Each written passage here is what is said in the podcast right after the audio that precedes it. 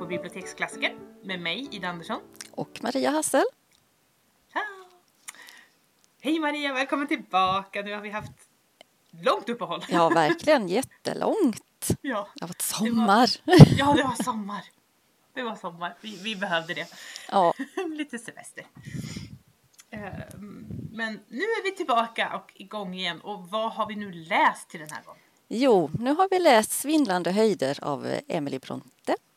Eller Wuthering Heights som den också heter. Många filmer i alla fall. Mm, Och i original. ja. Den har vi gett oss på. Ja. Ehm, hade du läst den förut? Ja, detta var fjärde gången jag läste den. Jag läste den ungefär med tio års mellanrum visade sig. Konstigt nog av olika anledningar då. Så att... Eh, mm, men det... ja, jag gillar boken. Eh, jag har läst den en gång förut kan jag säga. Ehm,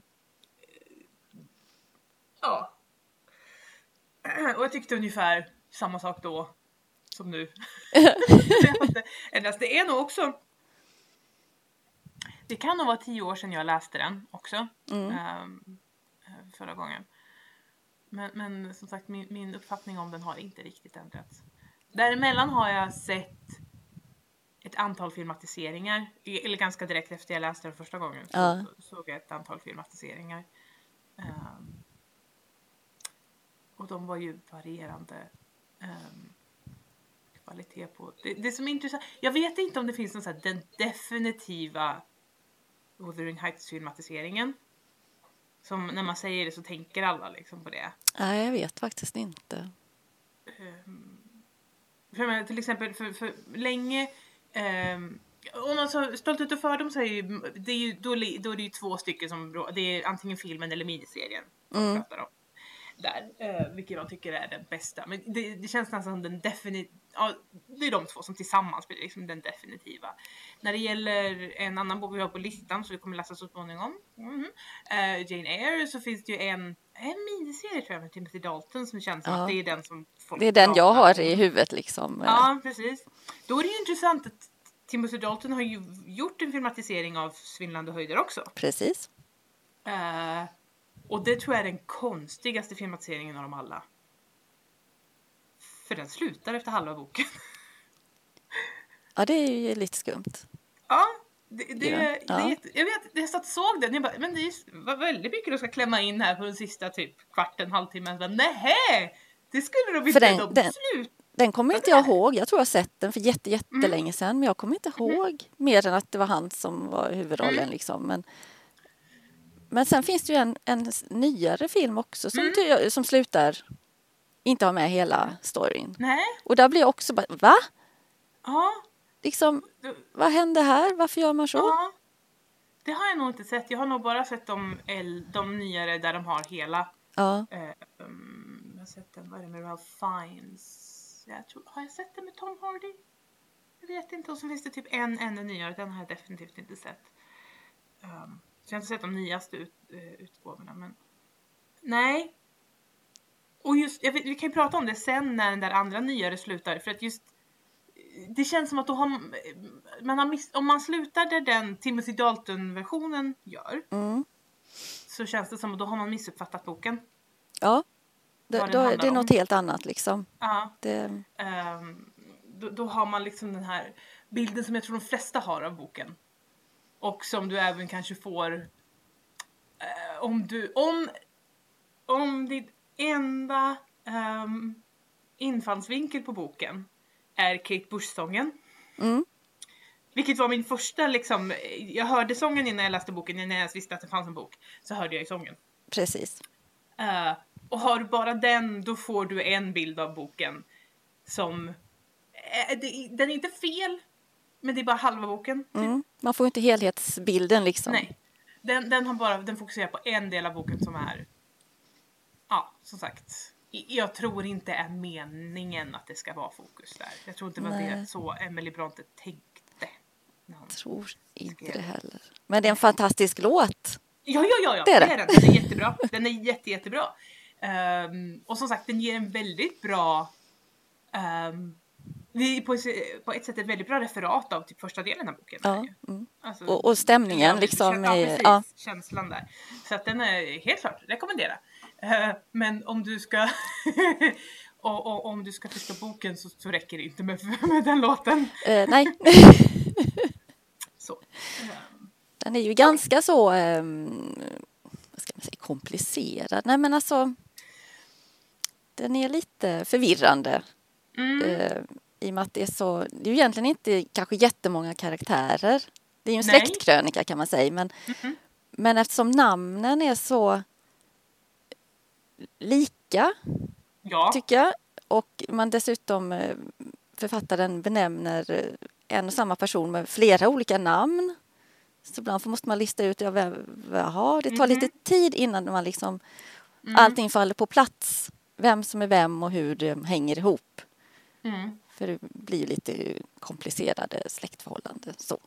Ja, det är det. Och som sagt, de är lik, antingen är de lika eller så är de exakt lika, eh, Mm. namnen. Eh, eller så använder man liksom efternamnet som förnamn eller förnamnet som efternamn. Alltså sådär liksom. Ja. Det, det, mm, mhm. Ehm, så ja, den, den, är- folk som klagar på att författare har många namn. Det här är värre. Ja, Det det, är det är lite... men alla är snarlika. Så, yeah. Um, kanske lite bakgrund. Som sagt, den är skriven av Emily Bronte. Eh, och Emily Bronte var ju hon... En av det hon är känd för är ju att hon, alltså, hon har två systrar. Ja. och alla tre systrarna Bronte ehm, är publicerade författare. Och har skrivit verk som har eh, som betraktas som klassiker. Eh, Emily har bara svindlande höjder. Mm. Bara inom. Hon, hon hann bara skriva den innan. Och, eh, hon levde ju 1818 till 1848. Så att hon blev ju inte jättegammal där då. Ehm, Wuthering Heights kom 1847 så den kom ju bara ett år innan hon gick bort. Mm. Ehm, Så då är det inte så konstigt att hon bara har eh, en titel. Ehm, Hon hann inte mer helt enkelt. Sen hade hon publicerat lite dikter och sånt där innan tror jag. Ja, det hade hon. Eh, Hon och, och systrarna hade gjort det tillsammans Just det. ehm, i en bok. ehm, Under manlig pseudonym. Mm. Men de behöll sina initialer. Ja, De heter ju, de heter ju eh, Anne, Emily och Charlotte Bronte. Och de tog eh, namnet Acton, Ellis och Currer Bell som precis. eh, manliga pseudonymer. Eh, vilket inte är världens vanligaste manliga namn direkt. Så, ehm, ja. men, men å andra sidan, jag, jag kan se hur man tänker, ja, nej men om nu föräldrarna har bestämt sig att välja ett konstigt namn så kanske de tar konstiga namn till de andra också. Så, Mm. så. Ehm, ja, ehm, det känns lite grann efter vad jag har läst mig till och den uppfattningen jag har fått är att hon det här hedlandskapet som är i Wuthering Heights ehm, är lite det som Emily tyckte om. Alltså de växte upp i det och hon tyckte Ja. om att vara ute på hedarna och liksom det, det satte en väldigt stark prägel på henne. Mm. Sen, det är nog det som är den bakgrunden. Man vet inte så mycket om Emily. Det finns liksom inte så mycket pub- publicerat om, alltså av, av henne. Nej. Eh, Alltså inte brev och sånt där heller. Eh, Man vet inte så mycket om Anne heller. Man vet lite mer om Anne för hon var på ett annat ställe också. Men, men det man vet mest om är ju Charlotte för att hon levde längst. Och även, du, du har fått en biografi om sig. Men Emily vet man inte så mycket om. Ehm, och det är lite intressant det här att de, de var väldigt isolerade. Det var de tre systrarna och så hade de en bror också. Eh, och det var de som hängde tillsammans. Liksom. De rörde sig inte. Och det, det, det känner, tycker jag man känner lite i Svindlande höjder. För det är också en väldigt, väldigt, väldigt liten värld. Ja. Det är liksom de här två husen. De rör sig mellan husen och ute på heden. Mm. Det, känns Det är väldigt nästan inte som- isolerat liksom, ingen, ingen Ja. omvärld så, utan Nej. Ehm, de, de pratar ju om, gud vad heter staden som lig, ligger? eh, eller något. Ja. Grimerton. Ja. Ja, det kan det nog vara. Ehm, och de, och, hon åker ju dit. Man får höra att de har varit där. Men du får aldrig komma dit. Nej. Du som läsare får aldrig Gudmundsen beskrivet. Du får, inte, du får inte se vad som händer där utan du får det återberättat om de har stött på honom. Fast det, det är nästan inte att de gör det heller, stöter på någon Nej. där. Det är liksom inte... Det är egentligen de här personerna på gårdarna. Det är liksom Mm. de som interagerar med varandra. Liksom. Och sen är det ju den här berättarrösten Mm. som kommer Ja. då. kommer utifrån. Det är ju intressant. Det här är ju den andra boken vi har som är det här narrativet inuti narrativet. Precis som ehm, eh, Frankenstein hade. Mm. Att vi har en huvudberättare som vi möter först och sen får han historien återberättad för sig. Mm. Ehm, och sen, åter, sen mot slutet så är det ju han som är berättaren igen. Men ehm, det är ett intressant ehm, det är ett intressant berättargrepp tycker jag. Mm. Med liksom ett narrativ inuti narrativet. Det är det.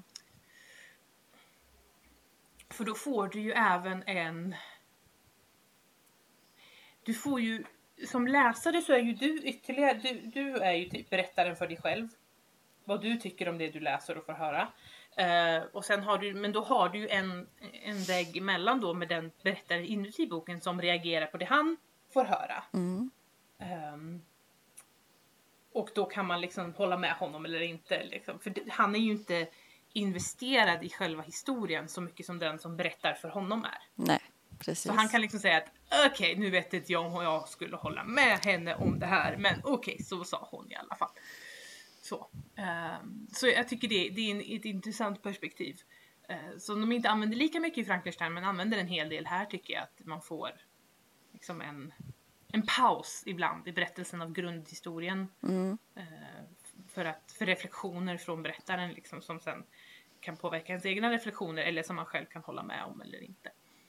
Så det är ja, ett intressant grepp Det är det. som funkar bra här tycker jag. Ja. Och det är ju så mycket som, ja, det, det mesta har ju liksom redan hänt så att säga. Ja, Det, det, det återberättas som sagt så att det, det är inte här och nu man är utan man vet, ja, slutet Mhm. finns redan. Ja, precis. Eller ja, det är ju inte riktigt slut. Ja, inte riktigt, får en vi liten liksom eh, en- sista Ja. återkoppling där som är, Precis, som är eh, som jag tror är min favorit egentligen.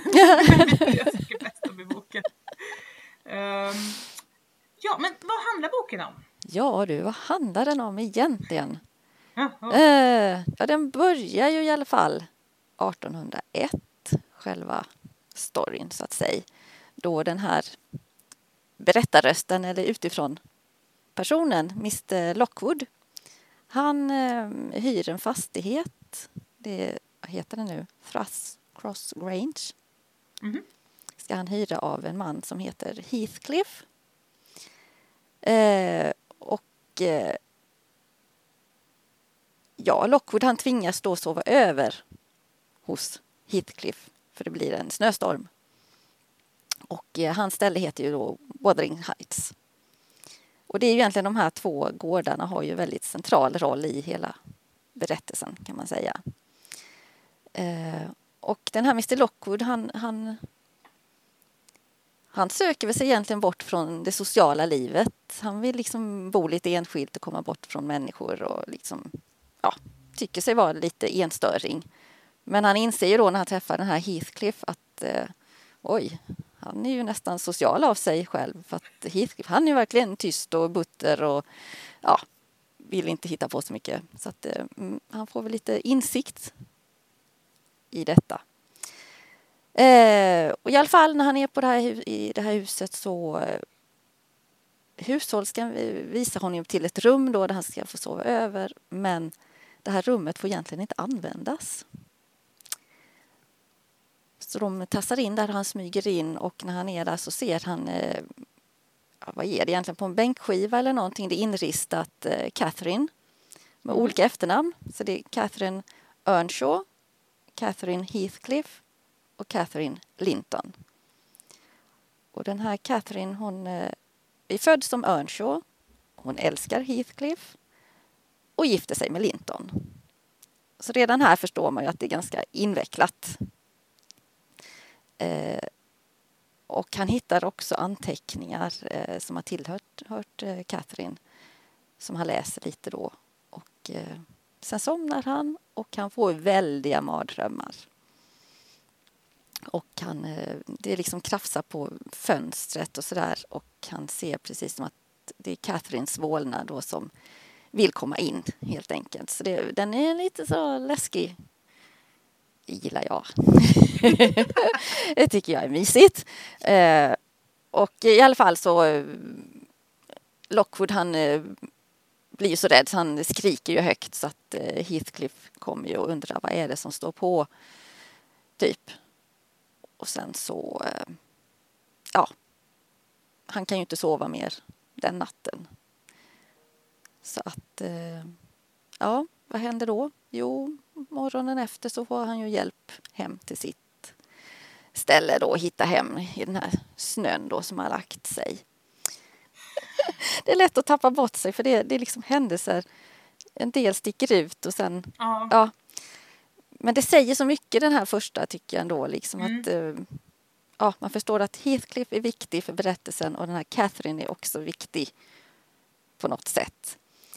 Eh, och eh, den här Mr Lockwood, han då när han kommer tillbaka till hu- huset där han ska bo då, liksom, då, då blir han ju sängliggande för han blir väl liksom kall och ja, nedkyld där på heden och eh, då har han ju en hushållerska där, eh, vad heter hon, Nelly, Mm. Nelly Dean. Dean. Eh, hon är ju där och hjälper honom och hon är då uppvuxen med Heathcliff och Catherine. Och känner ju till den här familjen väl.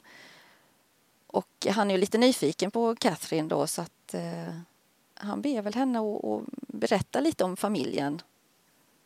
Och sådär. Och eh, det, det gör ju Nelly då så att hon eh, det är en, en, en episod hon berättar då när... Eh, Ja, jag skulle säga det också att Catherine har ju en, en bror, Hindley, Mm. också. Mm. Det är också bra att veta för storyn. Eh, och efter en kort resa som eh, pappan då gör, Mr Earnshaw, då kommer han hem med en liten gosse som är väldigt eh, mörk, eh, smutsig, eh, han är tyst och eh, han är väl typ i samma ålder som Catherine.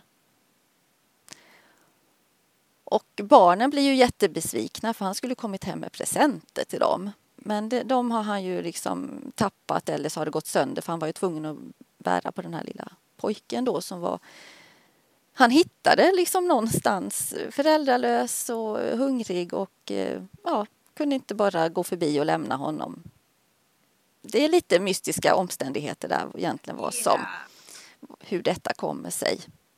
Och han, är- man förstår också att pappan är väldigt förtjust i, Mm. i den här pojken.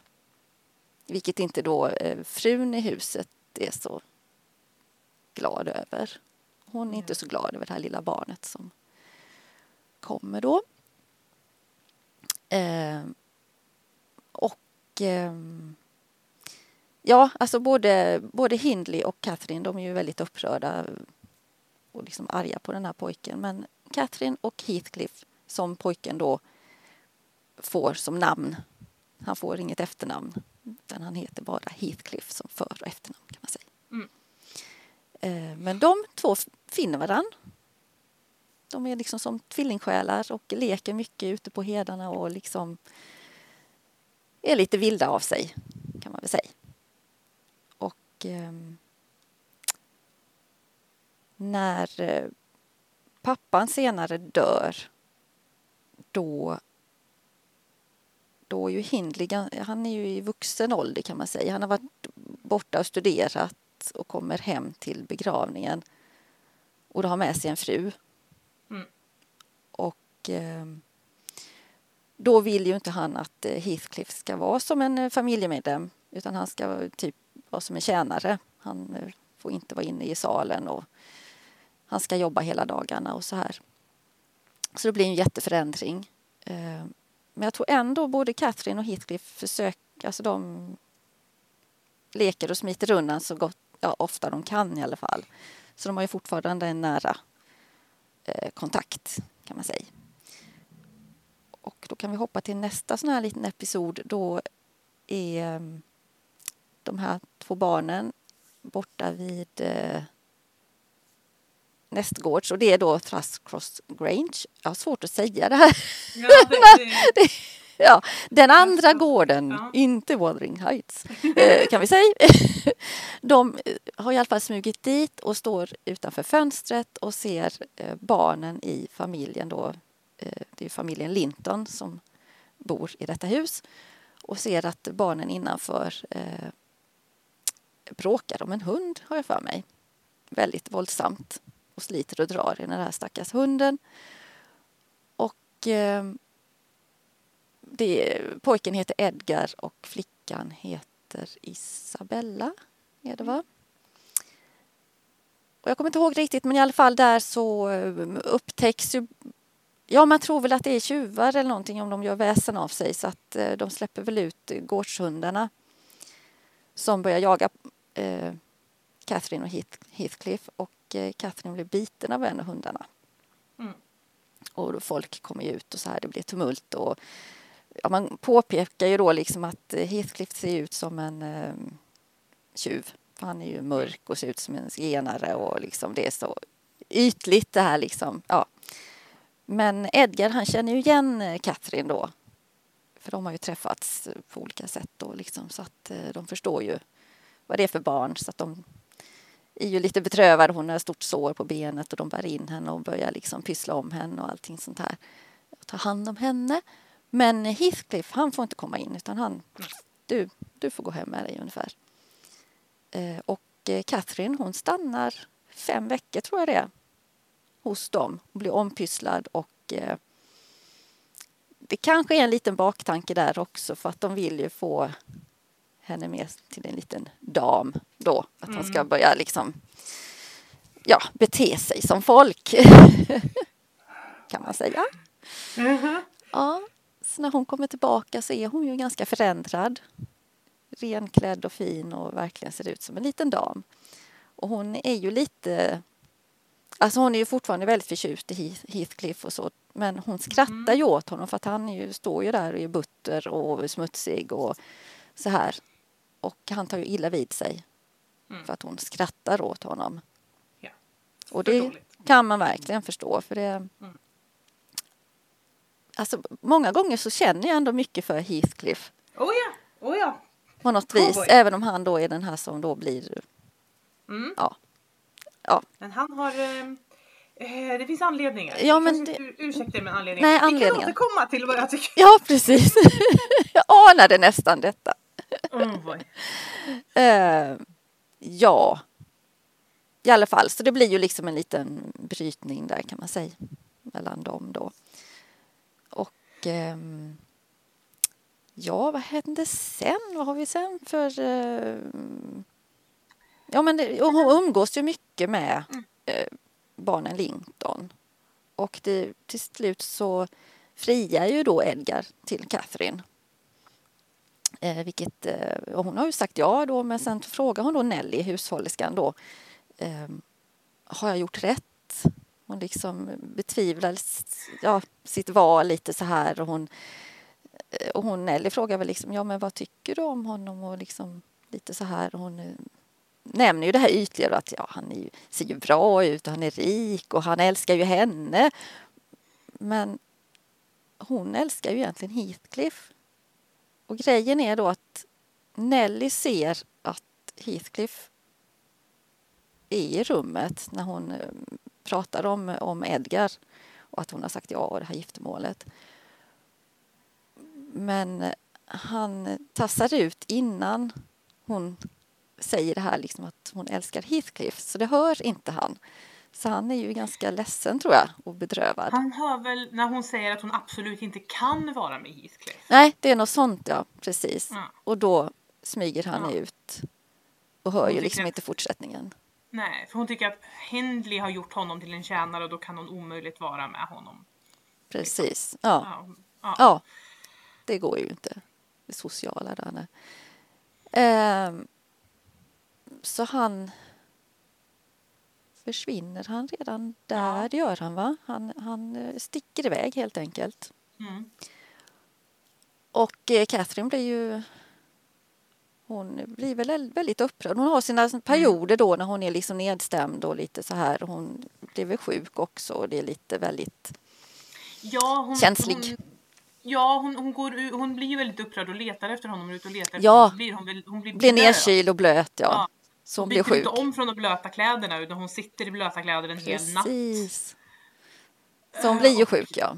Ja, hon blir sjuk. Hon gör sig själv sjuk. Ja. I stort sett Så kan man säga. Ja, ja och ehm, men hon tillfrisknar ju och ja, pignar på sig och sådär. Och de gifter sig, hon och Edgar. Och ehm, eh, vad ska vi säga, Hindley får ju också en son Mm.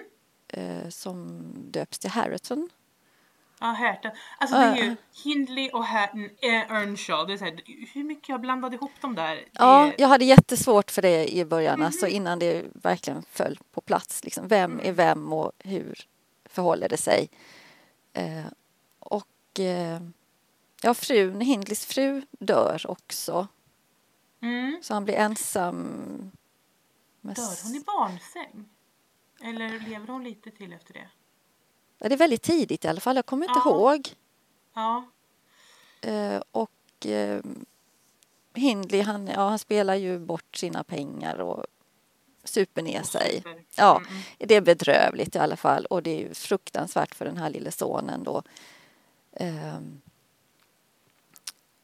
och han är våldsam, han är väldigt våldsam. Ja, Mm. oerhört våldsam. Så att de får väl nästan gömma pojken ibland. Mhm. Och lite, ja, det är förfärligt egentligen. Ehm, men efter några år i alla fall så kommer ju Heathcliff, Heathcliff tillbaka. Jag vet inte om han dyker upp hos... Nej, först är han väl hos... Han bor ju hos Hindley, så är det. Han, han flyttar ju Mm. in där. Han avskyr ju egentligen Hindley naturligtvis. Mm. Men han ser ju sin chans att kunna kanske ta över gården då. Mm. Eh, så att eh, Hindley skuldsätter sig mot honom och lite så här.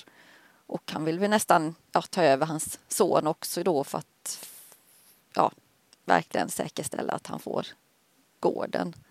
Ja. Ehm, och, eh, men sen så i alla fall så går han ju över till um, Catherine och Edgar. Och eh, hon blir ju jätteglad naturligtvis att han är tillbaka. Ja. Blir jätteglad och bjuder in honom och så här. Edgar är väl mindre glad. Förstår jag. Ja. Ja, men eh, Edgar och hans Edgars syster Isabella är väl också med där. De fyra Mm. träffas lite där då och umgås lite. Och eh, ja, Heathcliff har ju förändrats. Han har ju liksom ja, är ju rik och ståtlig och eh, ja, har kommit upp sig helt enkelt. Mhm. Så det är ju en helt annan. Förklaras man. aldrig hur. Nej, Var, pengarna kommer ifrån. Det vet vi pengar. inte. Men han, eh, han har det gott ställt nu och Mm, mm. så. Ehm, och eh, det visar sig ju också att ja, Isabella kärar ju ner sig i Heathcliff. Mm. Men eh, så hon och hon är väldigt eh, upprörd på Catherine att hon är liksom håller fast vid Heathcliff, att hon inte liksom tillåter honom, att han skulle kunna älska henne om hon bara släppte honom ungefär. Mm. Eh, lite den känslan får man. Men eh, Catherine menar ju på det att eh, Heathcliff, kunde, kan aldrig gifta sig med en eh, Linton. Möjligtvis Nej. för pengarna och arvet. Ja. Hon är lite så här, du klarar inte av Heathcliff. Nej. Lite så här, att han, du, kom, du skulle inte klara honom. Du är för vek för Heathcliff liksom. Precis. hennes... Jag, där tror jag att hon, hon gör det på fel sätt men hon har rätt tanke att försöka Mm. hålla isär Isabella och Heathcliff. Hon gör det mest egentligen för Isabellas skull. Mm. Inte så mycket för sin egen skull. För att hon känner Heathcliff. Mm, Och vet att hon förlorar inte honom till Isabella men Isabella kommer förlora sig själv. Ifall. precis. Ja.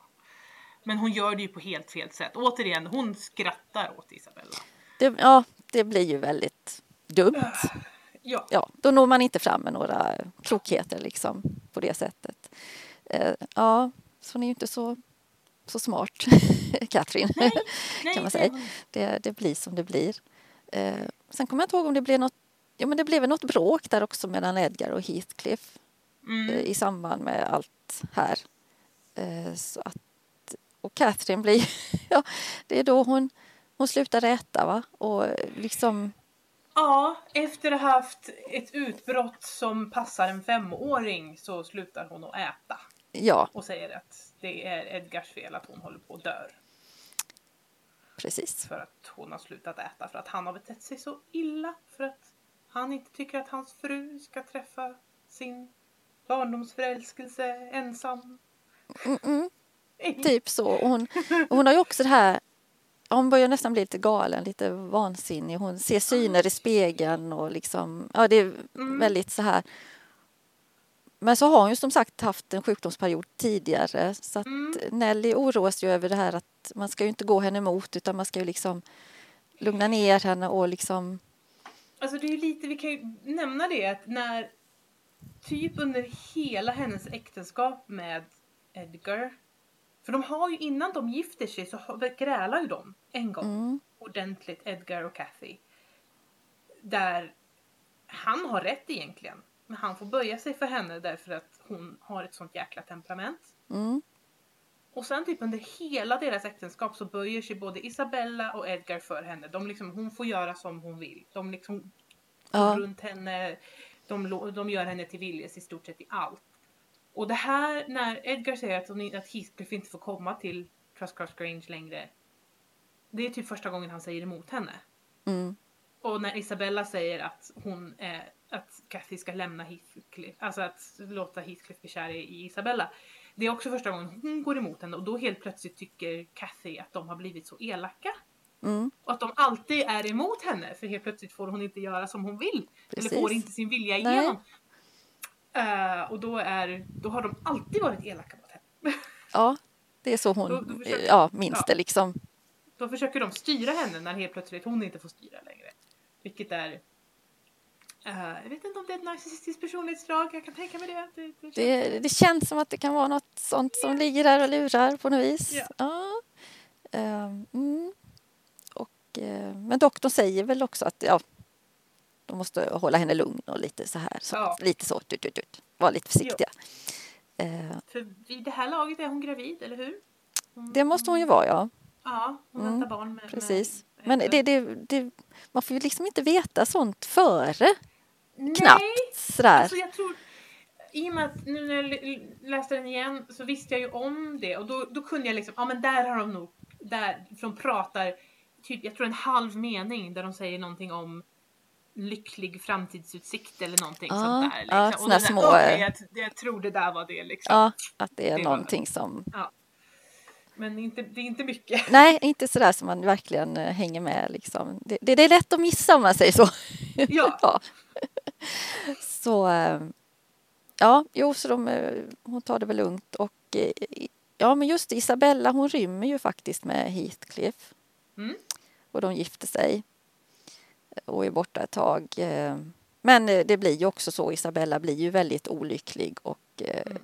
hunsad. Och Heath, Heathcliff är ju inte snäll vid henne. Nej. Så att det, det, Hon, det blir tufft. hon rymmer väl tillbaka ganska Ja. snart. Det gör hon ju. När hon väl får chansen så, så rymmer hon ju tillbaka Mm. och ja, drar väl iväg någonstans. Och hon... Eh, ja, jo, hon får ju en son. Fast egentligen, ja, tidsordningen är nog att Catherine föder väl sin, Mm. sin dotter Ja. Eh, och då har ju Heathcliff kommit dit de pratas vid först. Ja. Det är väl... Hon är sjuk. Och han, så han börjar komma på besök för Edgar tyar inte att säga emot henne när hon är så jättesjuk. Nej, just det. Typ. Eh, och han har kommit tillbaka då från... Liksom, vad, heter det på svenska? Elopement. Vad heter det på svenska? Alltså rymningen med Isabella. Han kommit Ja. tillbaka nu. Och lämnar typ Isabella uppe på Wuthering Heights och går ner till Swanscourt Grange. För att prata med Kathy. Ehm, och hon är sjuk. Har hon fött barnet eller? Nej, jag tror att de träffas och sen så går han ut och väntar i trädgården liksom så här för att hon är ju så dålig och då föder hon Ja. och får en dotter. Men hon dör ju bara några timmar efter, alltså Ja. Catherine dör. Barnet lever men Catherine Ja. dör. Men barnet är väldigt litet och för tidigt Mm. född. Eh, Och de döper dottern till Catherine. Ja, men hon kallas Kathy. Ja, fast det gjorde ju Catherine också. Hon kallas ju Ja, Cathy av... det är jätte sådär, mm, så här blir det lite invecklat. Så Catherine dör, Kathy, dottern, Mm. en liten ny liten människa där då. Mm. Och eh, ja, ja, just det, Isabella föder då en son Mm. som hon döper till Linton. Ja, Ja, för att nu har vi... Nu är, har vi alla förvirrande namn här. ja så det, det, det, det är lite rörigt här kan man säga. Så Och- sonen är ju alltså Linton Heathcliff. Ja, Då. precis. Ja. Ja, det är han ju. Mm. Och eh, han döps väl till Linton för att reta Heathcliff. Ja, lite så. Typ. Kanske. Att, ja, Ja, det är som det är.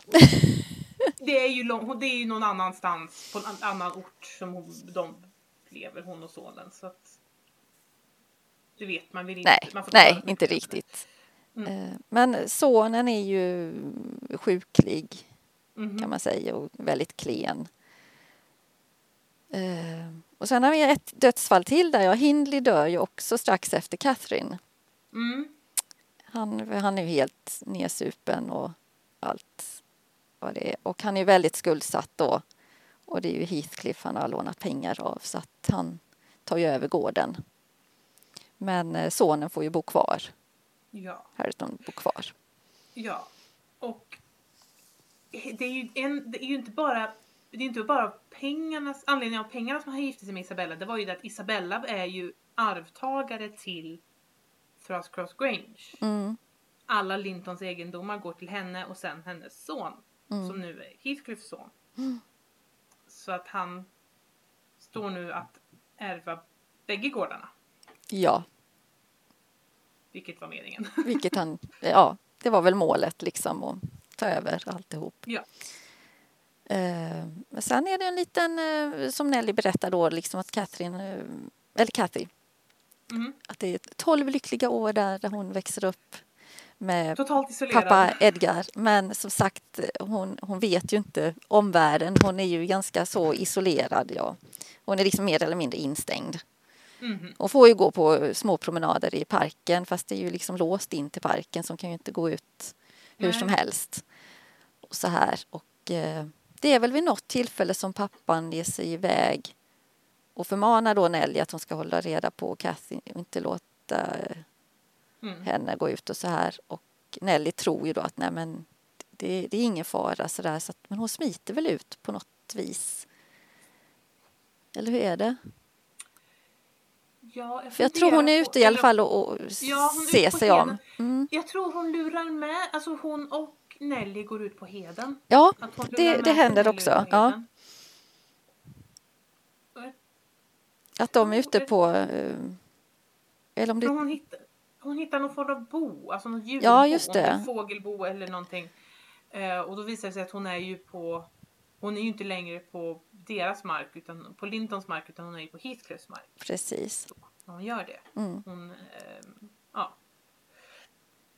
Och sen ehm, så skickar ju Isabella brev om att hon är sjuk och hon vill att Edgar ska komma dit och hälsa på och ta hand om, om son, hennes son då när hon dör. Mm. Och ehm, Men, Men- laget har, ja. men då kom... Sorry, sorry. Ja, nej, ja, alltså det är lite... äh, hur var det nu? Men i alla fall när de, han kom ju hem. Isabella dör och han tar hem eh, pojken. Men han får ju bara vara en natt hos dem för att Heathcliff Kommer och hämtar kommer och hem. Men Eller Josef, Ja. han skickar väl Josef. va? Ja, En typ en tjänare ska hämta hem sonen för han har ju hört detta och det är klart han har ju all rätt till Ja. sin son. Å andra sidan, när Hindley dog så gick Linton upp till uh, Wuthering Heights för att hämta Hareton. Mm, Eftersom han var ju ändå brorson till Catherine. Så han tyckte att ja, men vi tar Mm. hand om honom. mm, Men då sa Heathcliff någonting i, i den formen av att ehm, ja, om du hämtar honom kanske jag börjar fråga efter den andra pojken. mm, Som jag inte frågar efter nu. Vilket de, alltså han menar sin egen Mm. son. Och sen kommer han ju hämta honom men behåller Hareton där uppe i alla fall. ja, Men jag tror att innan de hämtar hem Linton, innan Isabella då, dör så har Kathy varit uppe på Synande höjder. Hon har liksom... ehm, ja, hon har hon nog har- varit där. eh, Ja, på något Ja, vis har hon hamnat där liksom. eh, Ja. Ja, gått så långt så Och- att hon... precis. Och grälat med, eh, med Hareton.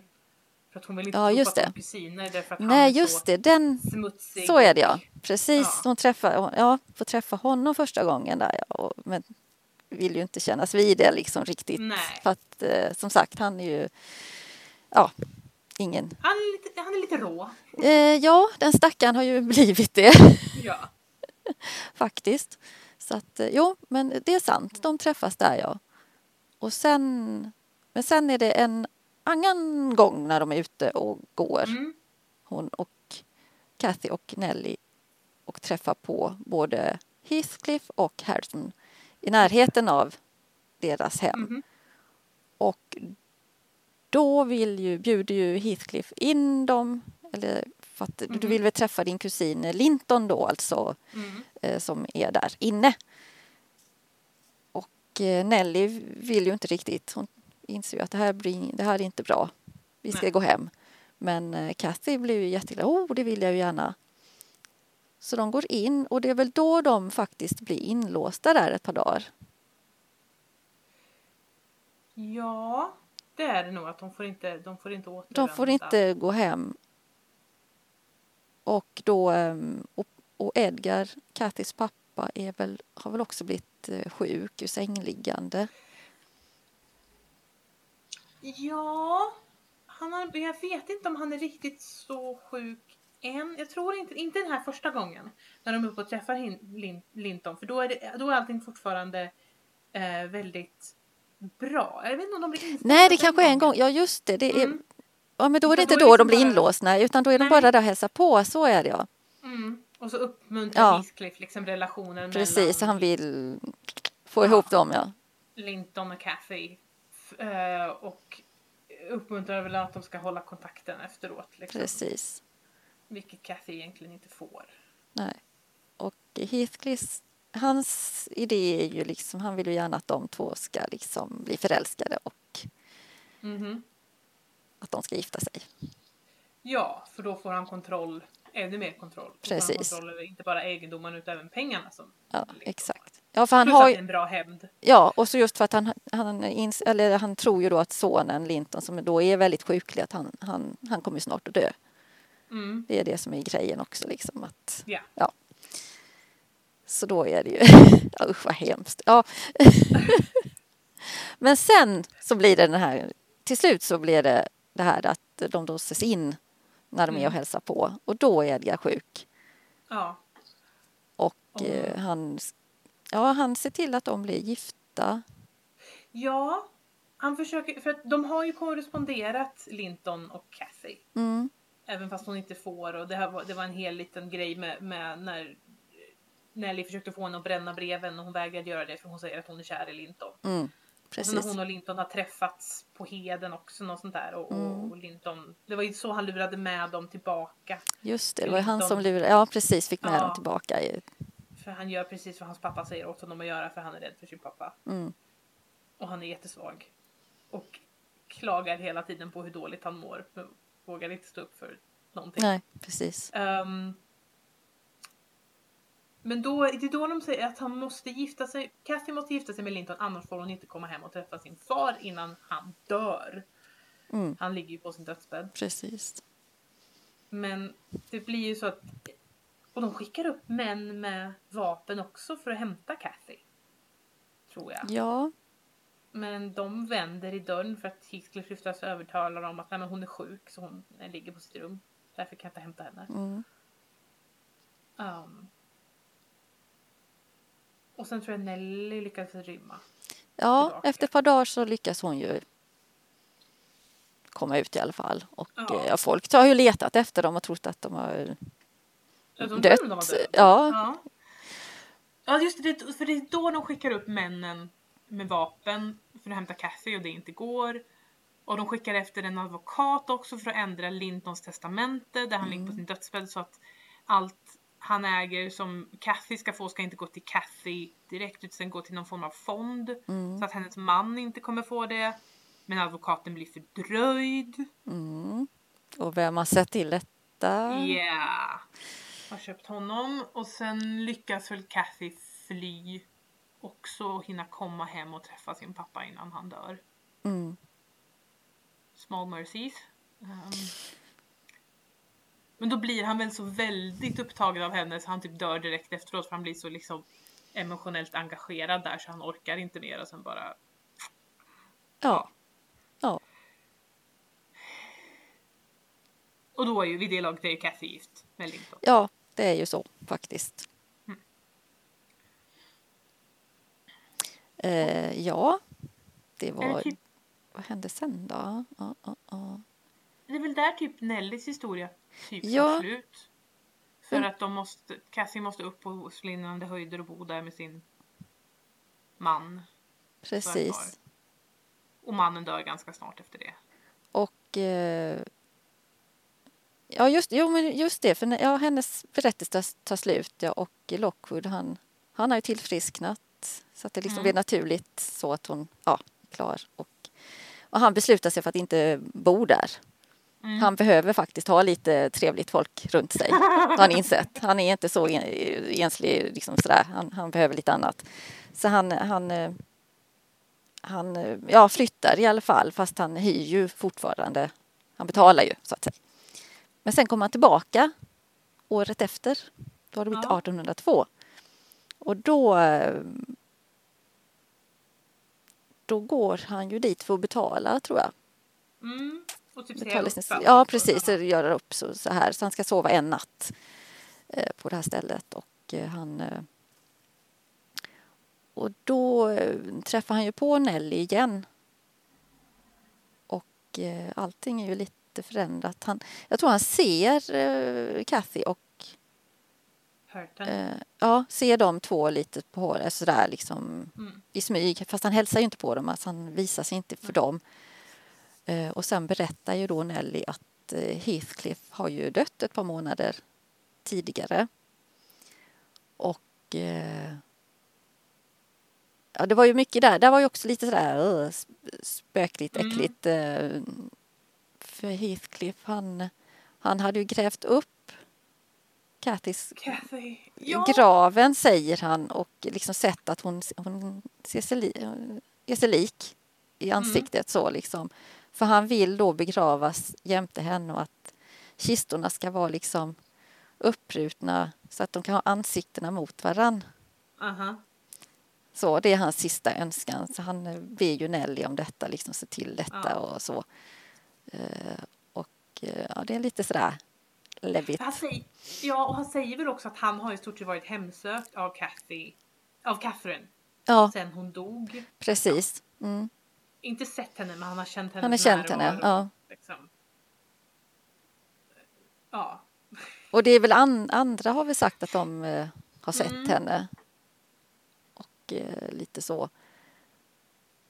Nu vet jag inte jag kommer inte ihåg hur han dog men ja, Jag tror han bara dör i sömnen. Jag vet inte. ja, för det var ju lite- Öppet, öppet fönster eller något sånt där. ja för det är ju lite det att han, han har ju liksom ändå lugnat ner sig lite där. Mm. Och han verkar liksom ändå gladare på något vis. Lite Ja. mer upplyft, lite så. Alltså, jag tror det är det här att han... Eh, för han, han sätter sig inte emot Kathy och Hurtons relation när den börjar bli bättre. Nej, Han skulle kunna göra det.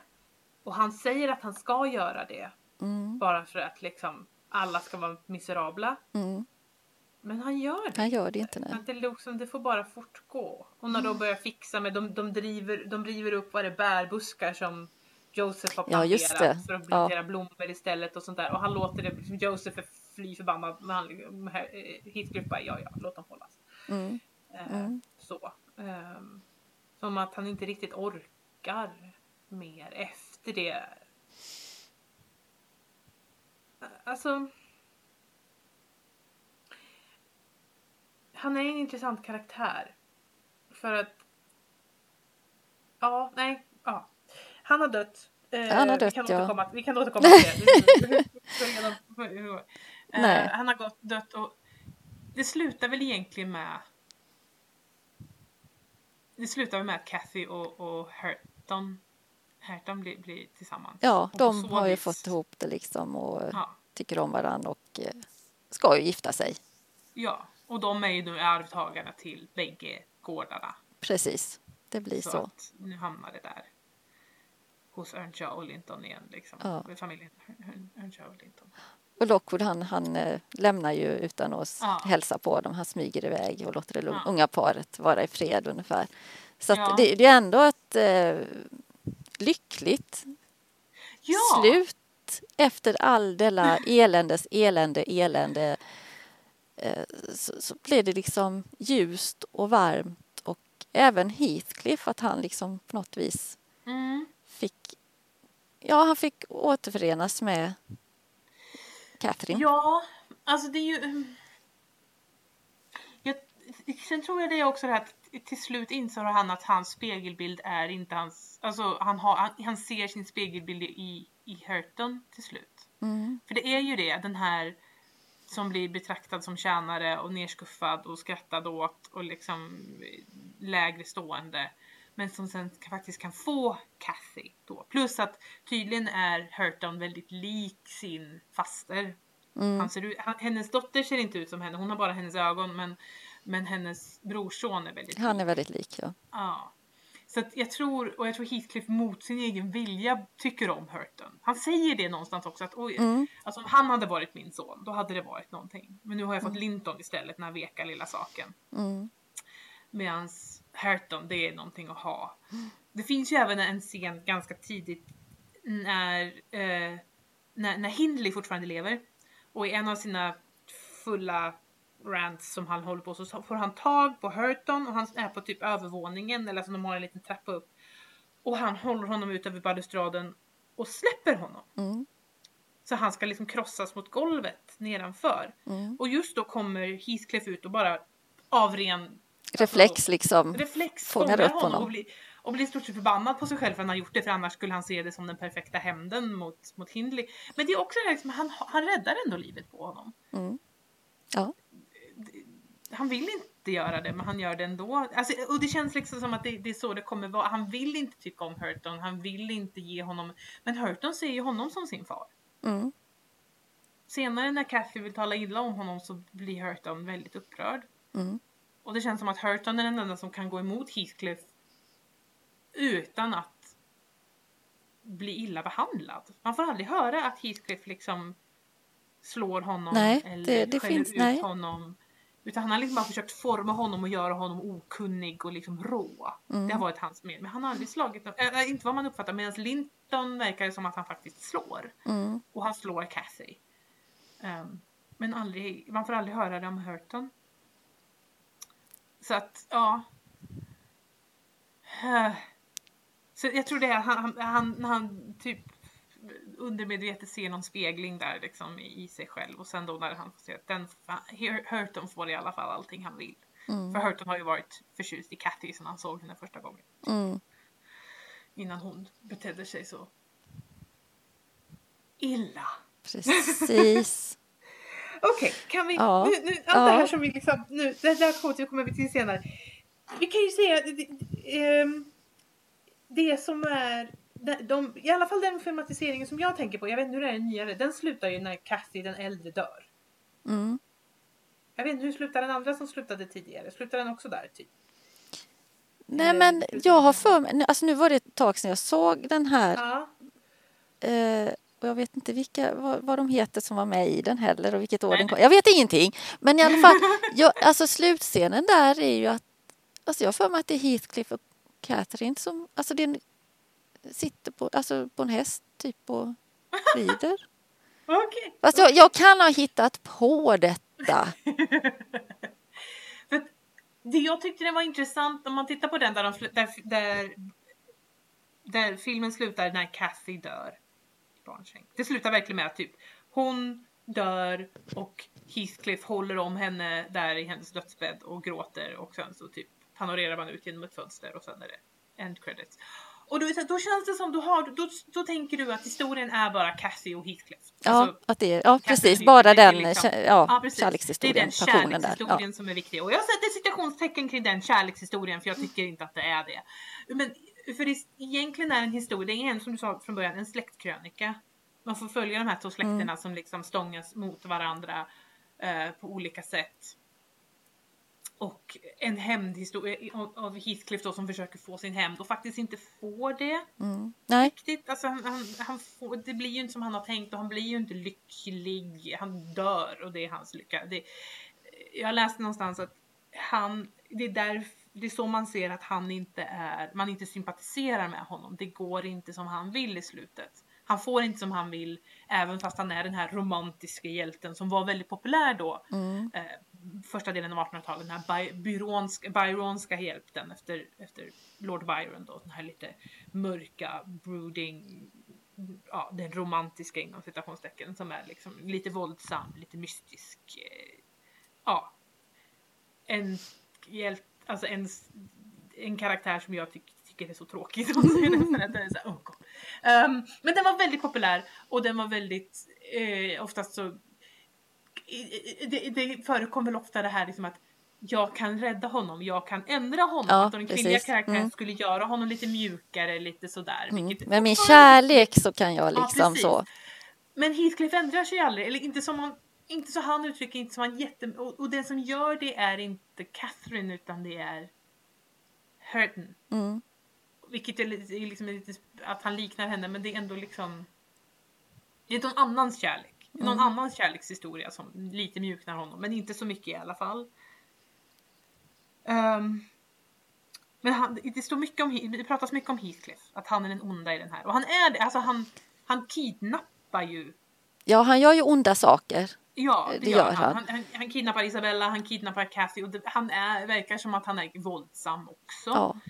Å andra sidan känns det som när det beskrivs och det är till och med Hurton, han klipper också till eh, Kathy, Mm. den yngre, Mm. i en scen. När, hon, när hans ord inte räcker till, när hon liksom bara öser sin liksom, ja, elakheter liksom och Ja, pinar honom.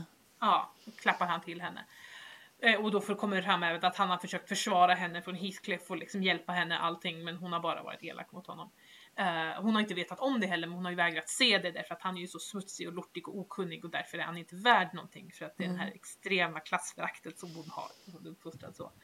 Ehm, men återigen, Heathcliff är, men då känns det också som att ja, men det är, berättaren ser det som fullt naturligt att Hurton slår till henne. Han säger till och med att det skulle jag också gjort i den situationen. Mm. Så att med den tidens ideal känns det inte som att det är det som, han är, som är illa med Heathcliff, att han slår.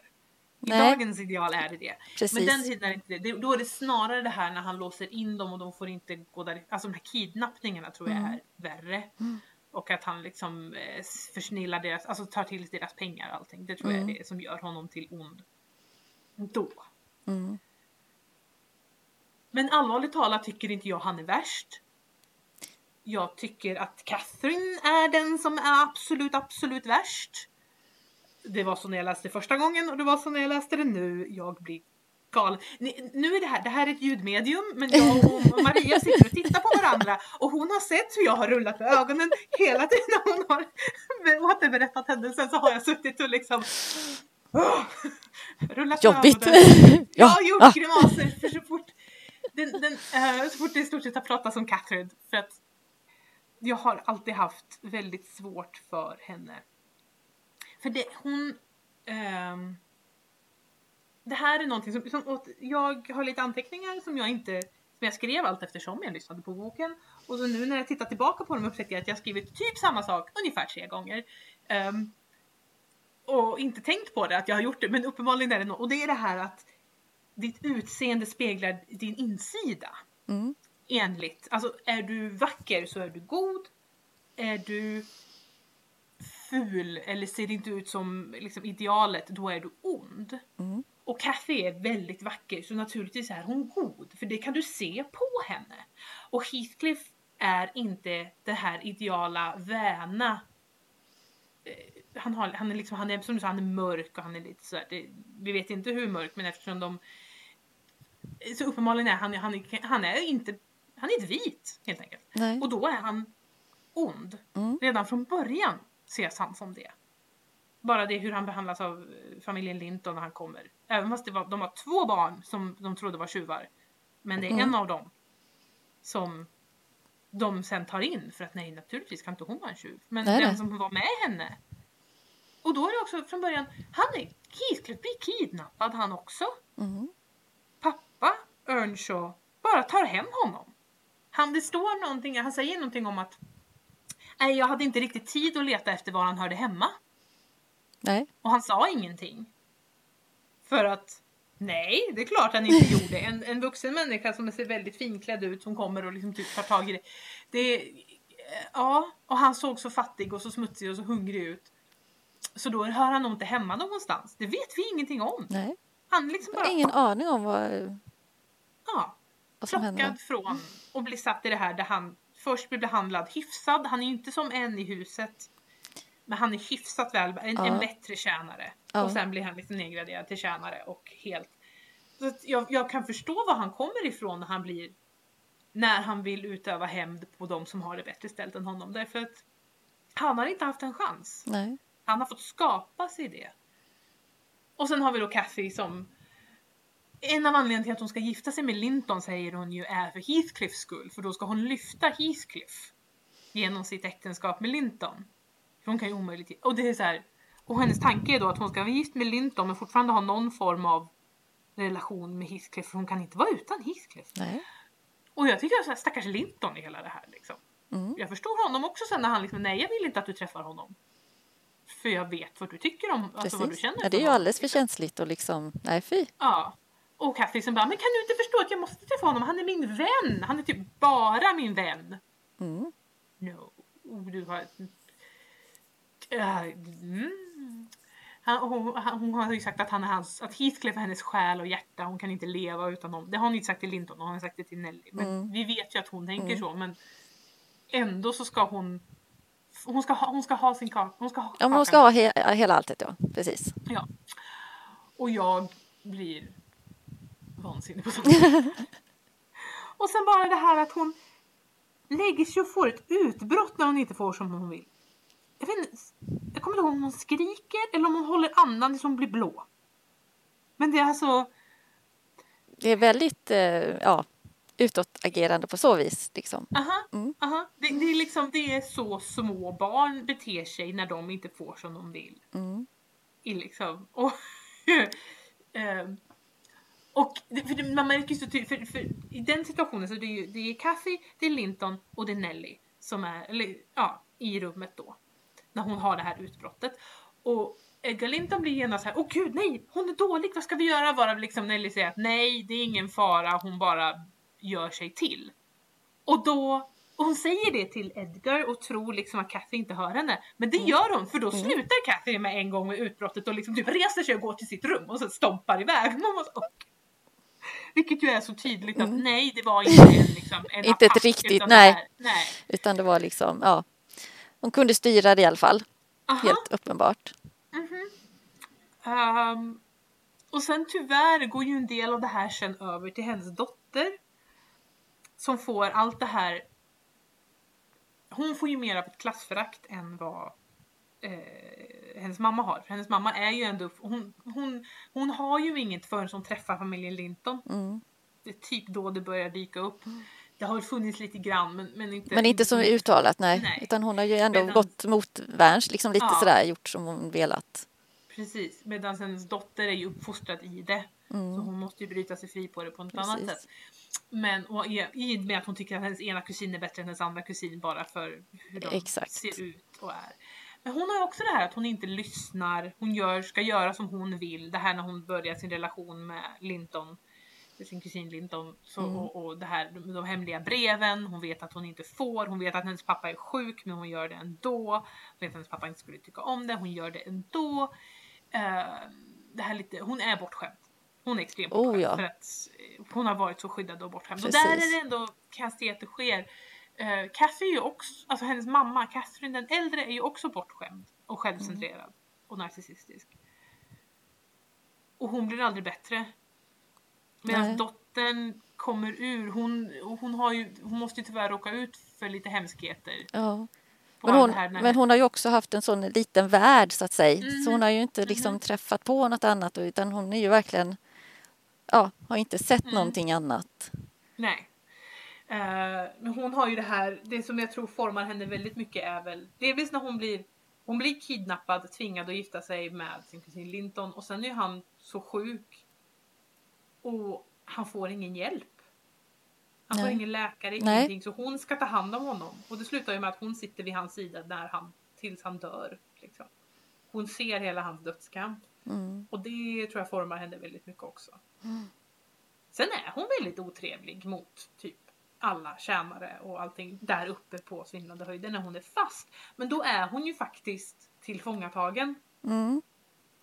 Det, Så då kan det kan man ändå förstå att man reagerar så att man verkligen Mhm. liksom är arg på allt och Mm. alla och liksom ja, Och tar ut det på dem som inte ja. kommer slå tillbaka. och, för att kanske då inte gå under själv liksom och bli helt eh, tillplattad så eh, har man det sättet för Mm. att överleva helt enkelt. Ja.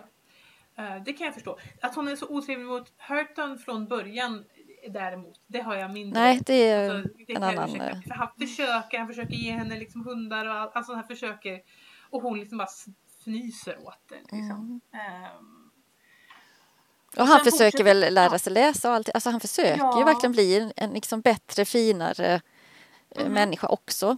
Men hon bara skrattar ju liksom och ser ner på honom. ja. Vilket Linton gör också. Mm. Men han är ju uppmanad att göra det av Heathcliff Ja. också. För Heathcliff vill liksom separera dem två. Precis. Eh, för att de liksom ska riktigt... Jag vet inte varför egentligen. Om det är för att isolera Hurton mer eller isolera Linton mer eller två flugor i en smäll. Att båda ska vara isolerade och inte kunna gadda ihop sig mot honom. Vilket Nej. de ju skulle kunna göra. Men Hurton är ju inte mot Heathcliff. Han är ju den som är mest positivt inställd till Heathcliff av alla. Mm. För att han ser honom. Ja men det, Ehm, det, är ganska, det är ganska fint han liksom säger till Cathy liksom att snälla säg ingenting ont om honom för då måste jag, alltså, jag, jag, jag, vill inte höra det. nej. Ehm, för att det är liksom, skulle du vilja att jag sa någonting ont om din far? Precis. Ehm, ja, nej. Eh, Ja det är väldigt mycket stora känslor Ja, i den här boken. Både, både känslor och sen är det liksom en miljö som är Mm, ödslig och eh, ja. Och det, och det säger väl mycket om eh, författaren egentligen att hon Mm. har vävt in sin miljö och sin isolering. Och hon var väl också, man har läst om, men alltså det här liksom, hon kunde inte riktigt anpassa sig överallt. Och, och det har hon nog använt här i skrivandet liksom. mm, Och jag, jag tycker det... Jag blir fascinerad av boken just för att den är, den är så speciell och udda. Och när man tänker då på hennes liv och att hon var så ung själv, författaren, och liksom har inte upplevt så mycket, nej. kanske. Och ändå liksom... Eh, sen att det blir lite urflippat eh, ibland, det, ja, det, ja, det, är inte så det- konstigt. Och det är liksom, Nej. men, eh, men jag, som sagt, jag, jag gillar den just för att den är så udda. Och sin egen liksom. Sen är inte Ja. alla... Mm, Det är den. Den, den, är, den är sin egen. Verkligen. och och liksom, liksom, den är liksom före sin tid på något vis Mm, det är det. också. Romantiken kom lite senare eh, än... Ja. Och då blev den ju väldigt populär tror Mm. jag. Då plockade man upp den igen. Mm. Så. Har du uppfattat den annorlunda eh, från när du har läst den tidigare gånger? Ja, alltså lite... Alltså första gången då var man helt hänförd. Liksom. Jag tyckte, åh, men då var det ju liksom, då var man, gillade ju romantik och lite alltså, du vet, stora känslor. Det var jättekul. och sen, sen kom jag inte, eh, gång två, tre, då har du nog tyckt ganska likt. Så där, liksom att, jag tyckte om den hela tiden. Men sen denna gången kände jag lite mer det här svarta, tunga, att det liksom var lite svårt att värja sig. Att jag verkligen inte, ja, som du säger, man tycker ju inte om Catherine och, liksom, och det här våldet och eh, allt i liksom, att det gick in på något vis. Jag tror det, världen är så eländig just nu och allt är så omtumlande så man är lite låg. Och då var det lite jobbigt att läsa det här. Och det har jag inte tyckt de andra gångerna utan då har jag liksom gått in i den världen men nu liksom börjar hjärnan lite så här koppla ihop saker helt inkonsekvent och konstigt men eh, men eh, jag tyckte fortfarande om den. För det var ju ett lyckligt slut också. Och då kände jag liksom, ja men jo. Alltså, det Hade det inte varit det då kanske jag hade tyckt, oh men gud. Blivit väldigt deppig. Men nu, nu kände Ja. jag ändå att eh, nej, den, den håller än. Alltså, jag skrev ner och jag vet att jag tyckte det förra gången också men det vill säga alltså, den riktiga kärlekshistorien börjar kapitel 33. För det är en kärlekshistoria med två personer som liksom anpassar sig efter varandra och liksom lyssnar in varandra och växer tillsammans. Mm, Kathy och Heathcliff, eller Catherine och Heathcliff, de, det är ingen kärlekshistoria, det är en besatthet. mm, De är inte, jag kan inte se att de är kära i varandra riktigt, att de älskar varandra. De, liksom, de ska bara ha varandra, den andra ska bara vara där. mm, För att det är också det att om, om nu Heathcliff, om han hade älskat Catherine, då kanske han hade brytt sig lite mer om hennes dotter. För det var ju ändå Catherines dotter. mm, Men det gör han inte. Och om- då kanske han hade liksom försökt förbättra sig för Catherines skull. Men det gör han inte. Och hon försöker inte vänta på honom, förbättra, alltså lyssna på honom eller någonting. Liksom. Ingenting sånt. Utan det ska, de ska bara ha varandra. mm. Oavsett hur det påverkar andra och varandra. Det är liksom någon konstig besatthet när man liksom blir... Det verkar som de känner varandra väl i alla fall. Vet precis vilka den andra är. Det är väl den här tvillingsjälskänslan Ja. att de, de verkligen förstår varandra så och Ja. vet. Och de, är, de må vara en tvillingsjäl, men de är en tvillingsjäl av en väldigt svart själ. För bägge två är liksom, Mm.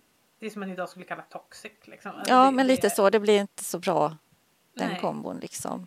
Och Och det, det- inte så här, ja. Nej, som jag tänker där som Heathcliff, det är klart att han han har ju varit med, alltså om man tänker då hur hans början där liksom, vi vet inte hur, varför han blev flyttad på typ eller så. Att han har varit med om så mycket så och han blir väldigt hämndlysten. Det är väldigt, Mm. eh, hela boken genomsyras ju av att han vill hämnas liksom ja. på alla. Men det, jag skrev så här att liksom, dramat från förra generationen skadar nästa generation. Ja, Vilket är hans tanke, att han ska Ja. liksom spela ut det vidare i barnen. precis. Och det är han som ser till att det blir så. Manipulerar Mm, och mm. allting sånt. Jag kan förstå varför det här är en klassiker. Jag förstår det. eh, fullt ut. Sen tycker jag väldigt illa om det. Ja. Jag vet, när, jag vet när jag läste den förra gången, då var det också så här när vi väl kom till Kathy och Hurtons historia, det var då så oh men den här är ju fin. Men den är ju jättekort. Mm. Det här är, det här är en fin kärlekshistoria. Jag reagerade så då också att innan, för jag, jag vet när jag läste det, jag var så här, ska det här vara en, en kärlekshistoria? Det är inte det, de är så otrevliga mot varandra Mm. fast de säger sig älska varandra och de alltså, vill inte att den andra ska vara lycklig eh, någonsin. Och, ja. och Alltså det här. För att en bok ska vara bra behöver inte betyda att, att karaktärerna i den är trevliga. Man kan ha komplexa karaktärer. Det gör också ett intressant litterärt verk. Mm. Sen, men jag vill ha någon jag tycker om. Jag vill ha någon karaktär jag kan tycka om. Jag hittade det i Hurton, typ. Mm. För att han gör, liksom, annars. Jag vill ha en karaktär i alla fall som jag kan tycka om. Mm. Och det gör jag inte riktigt no- För alla är så himla otrevliga i den här. Alla av dem. Ja. Möjligtvis, ja Nelly Dean är väl okej men hon är ju liksom något så här utanför. Eh, kan inte göra så mycket, bara titta på. Eh, jag tycker hon, och henne har jag också svårt för ibland för att hon liksom låter saker gå och då blir det aldrig, om hon hade tagit den konfrontationen med någon eller berättat för någon då hade det löst sig. Ja. Men hon gör inte det. Mm. Så att, ehm, och då blir allting värre. Ehm, och nej, eh, jag tycker jag kommer ofta tillbaka till det här att jag tycker inte om huvudpersonen. I början till många böcker vi har haft i- podden nu som jag har Tycker inte jag om. tycker inte om dem. Och eh, man behöver, det är det här att behöver du tycka om en person i en bok för att boken ska vara bra? Nej. Behöver en bok, behöver en person, en huvudperson i boken vara trevlig för att boken ska vara bra? Nej. Eh, den kan vara intressant och komplex. Och det är de i den här, de är komplexa och sånt där. Och det här är liksom min preferens för att jag kanske vill ha någon karaktär i alla fall. Som jag, Som är lite mer så. Ja, ja. precis. Men i den här så är jag liksom bara, you can all go burn. Det, det, liksom, ni kan alla bara gå ner i havet, jag bryr mig inte, ni är så otrevliga allihop. Um, och då, då är det svårt att läsa. För min del är det så i alla Ja. fall. Jag, jag har svårt då. Mm. Um, men jag, komplexa karaktärer är ju liksom intressanta. Det, det begriper jag med. Och ja, det är därför den tror jag håller så väl. För Ja. att de är komplexa. Ja, den sticker ju ut liksom. Mhm. Både Om ja, handling och, och personer som är... Ja. Och det är då som det blir, när man då tar bort halva historien så tar man ju bort den komplexa biten och tar bara den Ja, här. men då blir det ju helt konstigt. Ja. Ja, Och det är därför jag har reagerat sådant på just, just den filmatiseringen vi nämnde i början. Ja. Den slutar när Catherine dör. Och då är det så här, men det är ju den viktiga delen av boken är ju kvar. ja men alltså jag tycker det är taskigt att göra så. De som bara ser då den filmen och tror att Ja! det här är, är boken, var- eller handlingen ja. liksom. Då, för då är det ju liksom på något vis också en, då, då skildras det som en tragisk kärlekshistoria. Det är liksom Ja, allt det Ja, är. precis. Och det är ju inte riktigt det. För att då är det så, ja, de får inte varandra för hon dör. Det är så här, ja, fast det är ju mer än det. De hade kunnat, det är, ju- ja, ja. Den lutade sig väldigt hårt mot den filmatiseringen och jag Mm. tror att det är den allmänna uppfattning, alltså om du inte har läst boken. Innan jag läste boken så trodde Mm. jag att det skulle vara en tragisk kärlekshistoria mellan Catherine och Heathcliff. Ja, Eller ja, en kärlekshistoria. För att det, det är det, den bilden du får i... Oj. Alltså... Vad ska man säga? Alltså, mainstream. Ja, När du bara hör om ja. den. Och det stämmer ju inte riktigt. Det är nej, inte det som är historien egentligen. det är det inte. Ehm, och, och även i, i Kate Bushs låt så är det ju det som är fokus. Ja, Catherine och Heathcliff. Det är ju liksom... ehm, men det är och det är, den är en bra återberättning av deras historia kan jag tycka. Inte, den, mörkret man får i den är inte i texten utan den är mer i den suggestiva liksom, musiken och hennes sätt att sjunga. ja, Eh, så det får är man det. det. Ehm, det finns... Gud, jag kommer inte ihåg. Meatloaf, en annan musikartist, har sagt att en av hans låtar är inspirerad av Synande höjder. Att den är inspirerad av det här eh, när Heathcliff gräver upp Catherines kista. Mm. För då han, han önskar att han kan ta hennes kropp och dansa med henne. Tror jag. Han, han gör det inte men han funderar på att göra det. Ja. Alltså det är en impuls han får men han följer den inte. Och att den biten, den sinnesstämningen, att det är den som har inspirerat en av Meatloafs låtar. Och jag kommer inte ihåg vilken det är. Om det är... Det är en av de mer kända. Eller det är inte han som har skrivit den där, det är ju inte. Men, men det är den, den känslan han fick av den. Liksom det han försökte få in. Om det är... Jag vet inte om det är så It's all coming back to me now. Som väl egentligen är mest känd med Celine Dion. Eller om det är... Jag, jag, jag kommer inte ihåg men det är, Nej. jag vet att han har sagt det om någon av sina låtar. För det var just det här Och då var det ju det mörka i kärlekshistorien, den här besattheten, den här liksom, För det är ju väldigt Ja. mycket mörker. Mm. det är det. Det är det. Det är ju inte hälsosamma känslor. direkt. Nej, nej, ju man ska säga. inte ta efter. No, no, no. Um, och jag tror, det tror jag har att göra med när man läser den kanske också. Hur gammal var du när du läste den första gången? Eh, typ 20. Ja. Och hur gammal var jag? Som sagt, det var typ 10 år. Ja, men jag är i slutet av 20-årsåldern. Men jag var nog ganska, jag är ganska cynisk.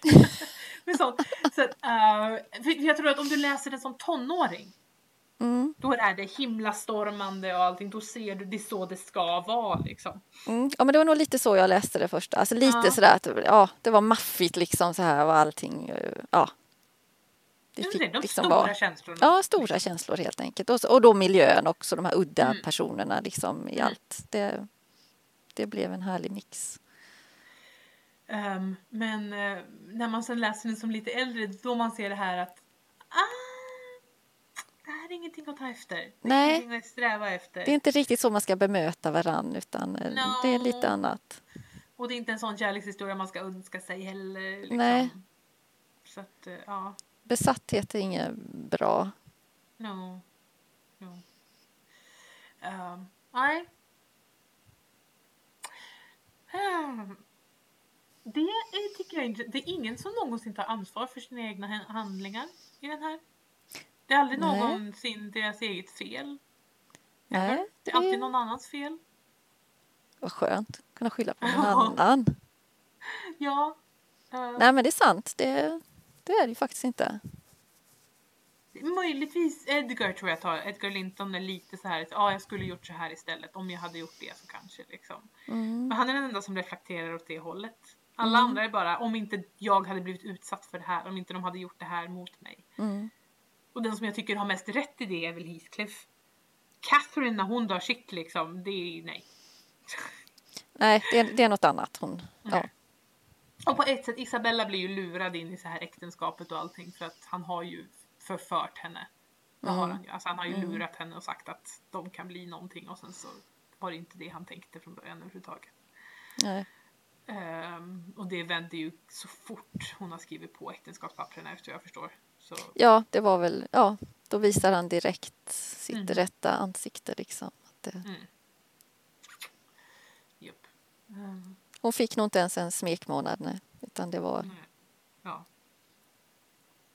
Ja just det, det skrev jag liksom det här. Vi pratade om när, när Heathcliff kommer in, när han blivit kidnappad. mm, Och det, det är alltså, när han, första gången han, de nämner honom, då nämns han som det. Ett. ja, Alltså han är ett objekt. Och det är ju det som du säger att han har ju tagit med, han har ju, de är ju ledsna för att han inte, de inte har, några- får några presenter, mm, saker. Och då säger han, nej men jag har med mig det här till er istället. mm, Och tar fram Heathcliff liksom. Och han så det är liksom, han är en sak. En Mm. leksak liksom nästan. Så Ja, det- det- får, ja. det är lite läskigt redan där liksom. Alltså, Mm. Då börjar man undra, liksom, hur gick det där till egentligen? Va, va? Va? Varför kom han hem med honom? Va, va? Ja precis och sen så liksom eh, mo- modern då som inte vill veta av honom och inte tycker om honom och det är väl också därför att han är han är inte vit. Alltså, Nej, finns Det är nog mycket det, utseendet, Ja. att han eh, ser ut som han gör. För det, det påtalas ju väldigt så. Mm. Och, eh, Ehm, väldigt ofta tycker jag ja. att det finns liksom en ehm, Och han är ju, alltså Heathcliff, han är ju väldigt... Han, han, han gråter ju aldrig, även om han liksom Nej. blir slagen av eh, Hindley där och i början. Mm. Och liksom han, han säger ingenting. Men han är ganska beräknande. Han liksom, mm. eh, men han är tystlåten och liksom inte... Ja, men det är väl hans sätt att, att hantera hela, Mm. hela alltet. Han stänger nog av känslor. Så, han, har, han har nog bara den här hatet och hämndlystnaden Mhm. på något vis. Sen lägger han locket på allting annat. ja. Utom då till Catherine då, Mhm. när de liksom är ute och utforskar hedarna. ja. De vindpiskade hedarna. Ja. ja. Skulle vi rekommendera den här boken? Jag säger ja. Ida säger nej, ja. Det beror på var, varför du, vad du letar efter skulle jag säga. Vill du ha en romantisk bok skulle jag inte ge dig den Vill du ha en här. feel good ska du inte ta den här. Oh, nej, nej, nej, nej. Vill du ha något lite mer komplicerat, lite udda, Mm. då kan du Ja, prova med den här. precis. Ehm, och den är ju romantisk i det uttrycket som man menar romantiken. Mm. Inte romantisk som är kärleksfull utan romantisk som i de här, de, som säger, de stora känslorna. Eh, vindpiskade hedarna, det, naturbeskrivningarna. Eh, det är liksom att människor som styrs av de här stora känslorna också låter sig styras av dem. Precis. Förnuftet hör, förnuftet hör inte hemma i svindlande tider. Nej. Det gör det inte. Ehm. Mm. Har vi någonting mer vi vill säga? Nej. Jag tror inte det va? Nej. Faktiskt. Vi är nog nöjda. Ja, en, det är en bok full med komplexa karaktärer och eh, intrikant handling. Men eh, ja, och man ska vara beredd på att man måste vara lite, namnen är förvirrande. De, Ja. de är avsiktligt förvirrande tror jag. Precis. Eh, så det får man eh, vara beredd på när man ger sig Precis. Det, det är nästan bra att, att notera namnen så och släktförhållandena i, i början så att Precis. man får kläm på det. För det, Precis. det är lättare då. Ja, det, det skulle jag nog säga. Ehm, för det är det som många klagar på när de läser klassiker, att det är så, jag blir så förvirrad av alla namn. Ja. mm. Den här hjälper inte den situationen. Ehm, ja. Det var Svindlande höjder. Vad ska vi läsa härnäst? Ja, nästa gång så blir det ju systern vi ska läsa då. Då blir det Jane Eyre av Charlotte Bronte. Precis. Får vi se om det finns några likheter eller om det Ja. är något annat eller vad det Vi tänkte att vara. vi tar dem tillsammans. Ja, För annars kommer vi bara prata om dem i alla fall. Ja det blir ju lätt så. Ehm, så. Men det blir, den har jag också läst en gång. Den läste jag typ, jag hade en sommar när jag läste både Jane Eyre och Svindlande höjder. Jag tror jag läste Jane Eyre först och sen läste jag Svindlande höjder. Mm. Jag har också läst den en gång och gjorde ett Mm. arbete på dem. En uppsats om eh, Svinnande höjder och Jane Eyre. Tyvärr har jag inte hittat denna uppsats. För det hade varit Ja. jättebra att se vad man tyckte då liksom, och vad man Ja. hade hittat. Men nej, och det finns ju inte kvar i huvudet heller så att eh, Nej. tyvärr. Och den var inte så högt upp så du kan hitta den i några arkiv eller någonting sånt. Att den är... Nej, det var en sån här liten eh, litterära genre tror jag vi läste på Mm. BOS. Så att det var en liten sån fempoängare bara. Ja. Ja, jag får hem och leta lite till men nej, det Ja. är nog så. Yes. Men då vet ni vad ni ska läsa tills nästa gång. Tills dess så får ni ha det bra. Hej då! Hej då!